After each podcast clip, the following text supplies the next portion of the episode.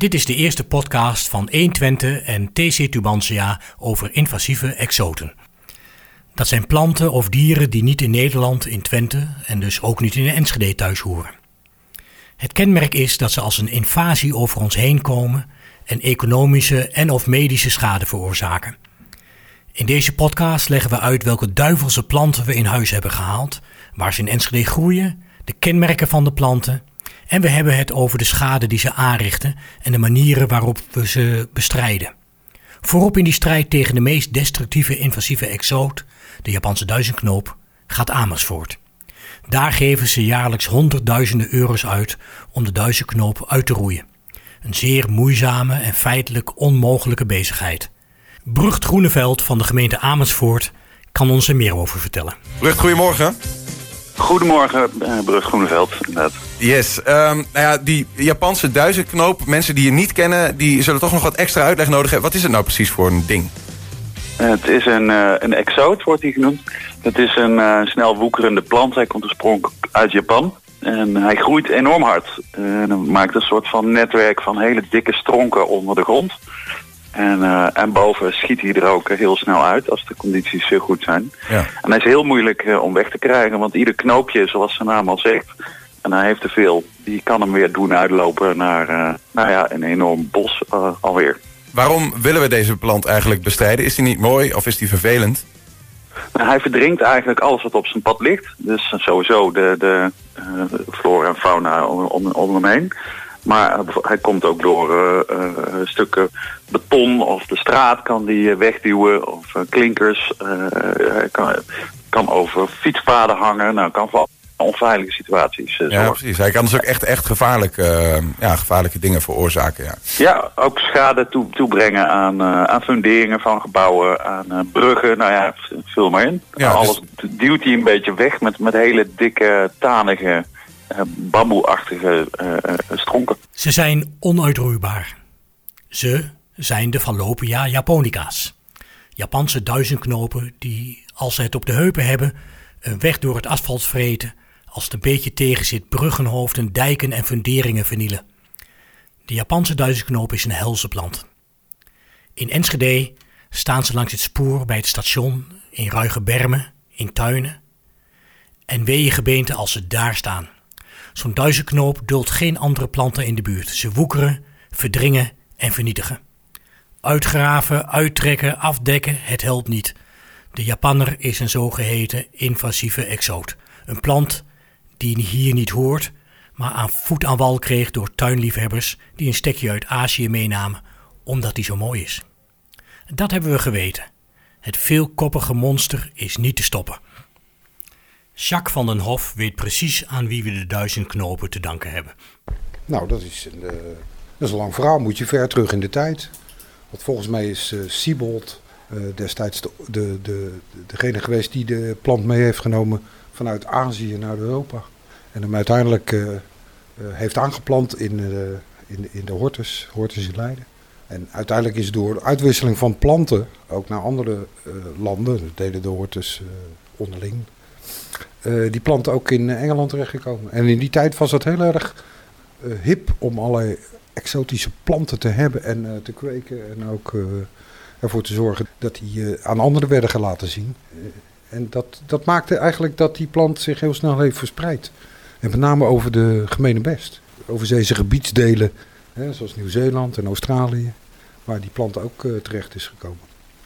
En in Engeland heeft dat dus uiteindelijk er ook toe gezorgd dat men daar uh, uh, heel veel uh, wildgroei van die plant ging ervaren. En het is namelijk een, een invasieve plant. Hij hoort hier niet. En dat betekent dat hij dus ook zich heel makkelijk, door gebrek aan natuurlijke vijanden en positieve groeiomstandigheden, heel goed kon verspreiden en uitbreiden. Het is namelijk zo dat die plant niet via zaad wordt verspreid, maar heel makkelijk is te stekken. Dus die stekken die konden heel makkelijk uh, van hand tot hand gaan. En uh, aangezien die zich ook heel makkelijk wortelden, heeft die plant zich gevestigd in de gemene best.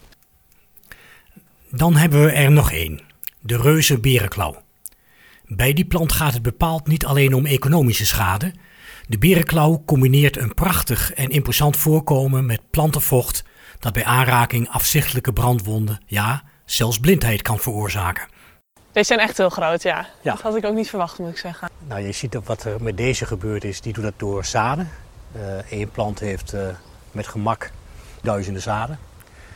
Eh, ja, die wordt door de wind meegevoerd. Die plakken ook wat. Dus als jij er met een jas langs loopt, dan eh, blijven ze misschien ook wel kleven aan je jas. En vervolgens komen ze ergens in de berm terecht. En het volgende jaar eh, gaan ze zich weer eh, vermeerderen. Dus het is een lastige plant. Eh, de last zit hem vooral in de volksgezondheid. Eh, wat er gebeurt is dat de vocht van de plant, als je dat op je arm krijgt, eh, kun je flinke brandwonden door, door oplopen. Echt brandwonden, Echt niet gewoon brandwonden, tweede, irritatie. tweede graads eh, brandwonden kunnen, staan, kunnen ontstaan. Kinderen hebben soms zo nu en dan de neiging om hem met een mesje af, te, af te kappen. En, Ja. en dan een, de stengels zijn hol. En dan als blaas eh, Oh, eh, als als eh, propjes, ja, eh, ja, te gebruiken. Nou ja, je kunt je voorstellen wat er dan gebeurt. dat is dus heel gevaarlijk. Het is heel gevaarlijk, want eh, ja, je, je krijgt enorme brandwonden rondom je lippen.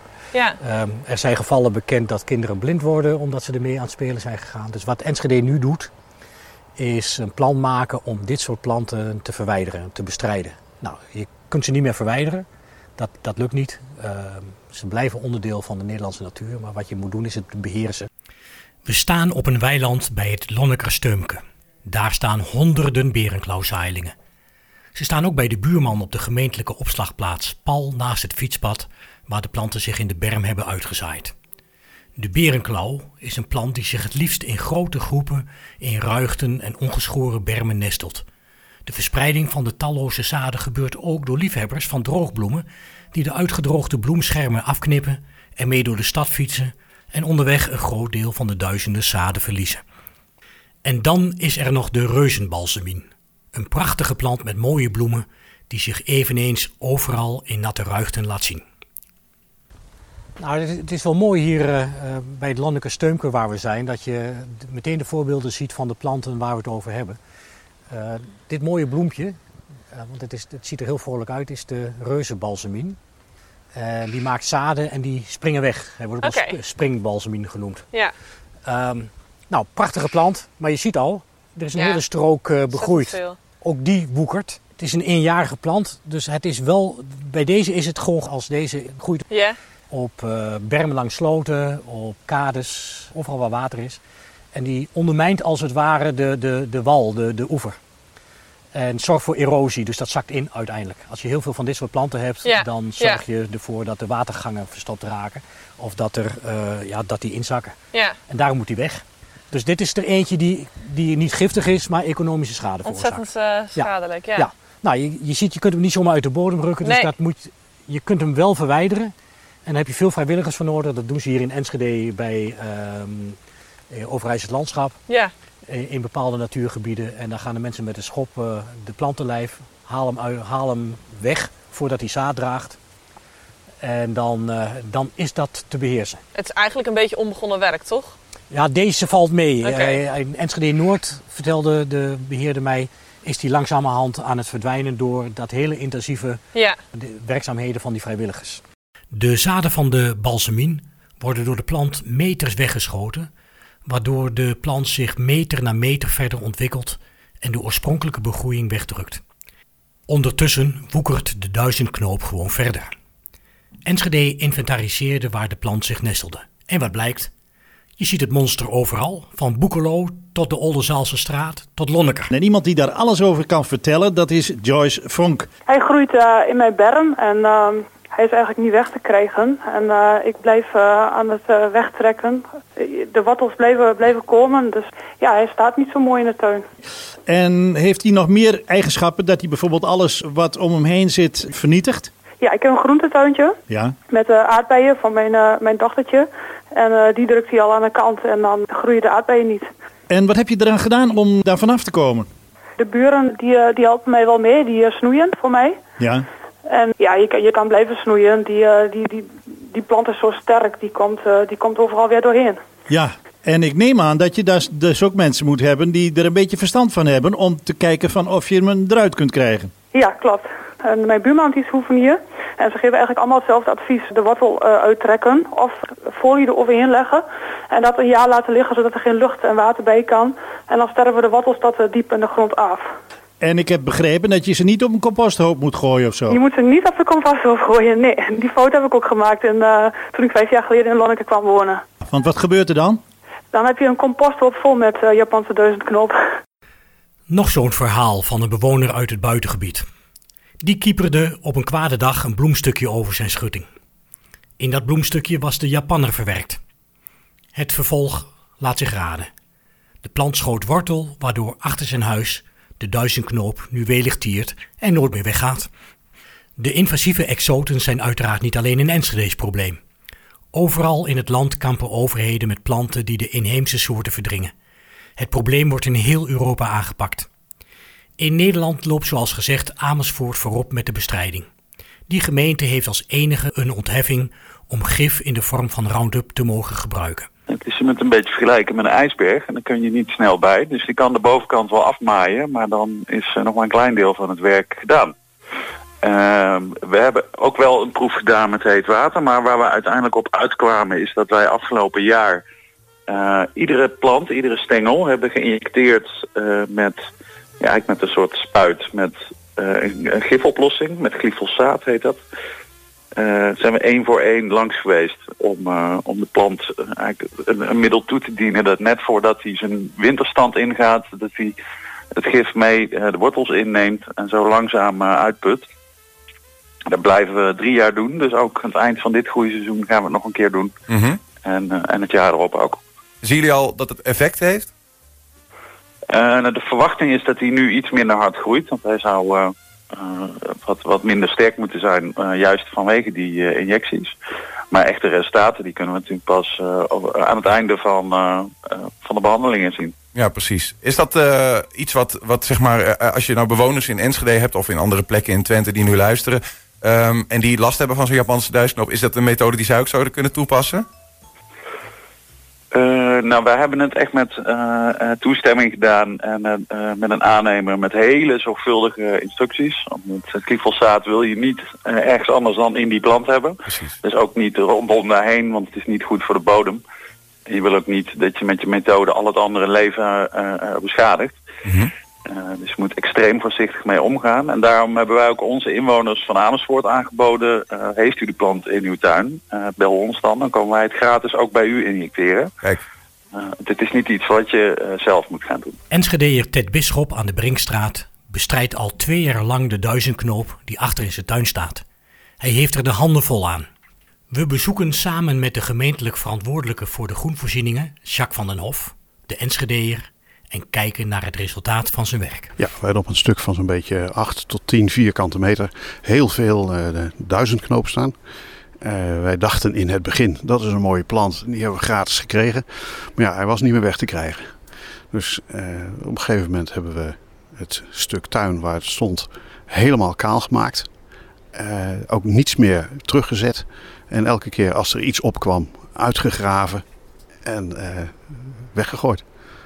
Het effect wat ik wil is dat er niets meer komt. Nou, het is nu beheersbaar. En als ik één keer in de week langs ga om uh, wat er nog boven komt uit te graven, nou dan ja, het is redelijk beheersbaar. Om de kale vlakte die in zijn tuin ontstond te camoufleren, zaaide de bisschop een flink bos zonnebloemen. Zo hier en daar zitten ze boven de 4 meter. Uh, het zijn echt gigantische zonnebloemen. Uh, ja, het voordeel van zonnebloemen is, die staan ver uit elkaar en je kunt er tussendoor lopen. En dan kun je ja, redelijk in de gaten houden wat er opkomt en wat er aan doen. Maar ik zou toch wel heel graag willen dat spul gewoon weg was en wegbleef. Ja, zodat je weer een mooie nieuwe tuin kan maken. En dan kunnen we hier weer doen wat, wat onderhoudsvrij is. Want ik vind die zonnebloemen wel heel mooi, maar ieder jaar, dat hoeft ook niet. Ben je dan niet bang dat het uh, weer terugkomt uh, na verloop van tijd? Ja.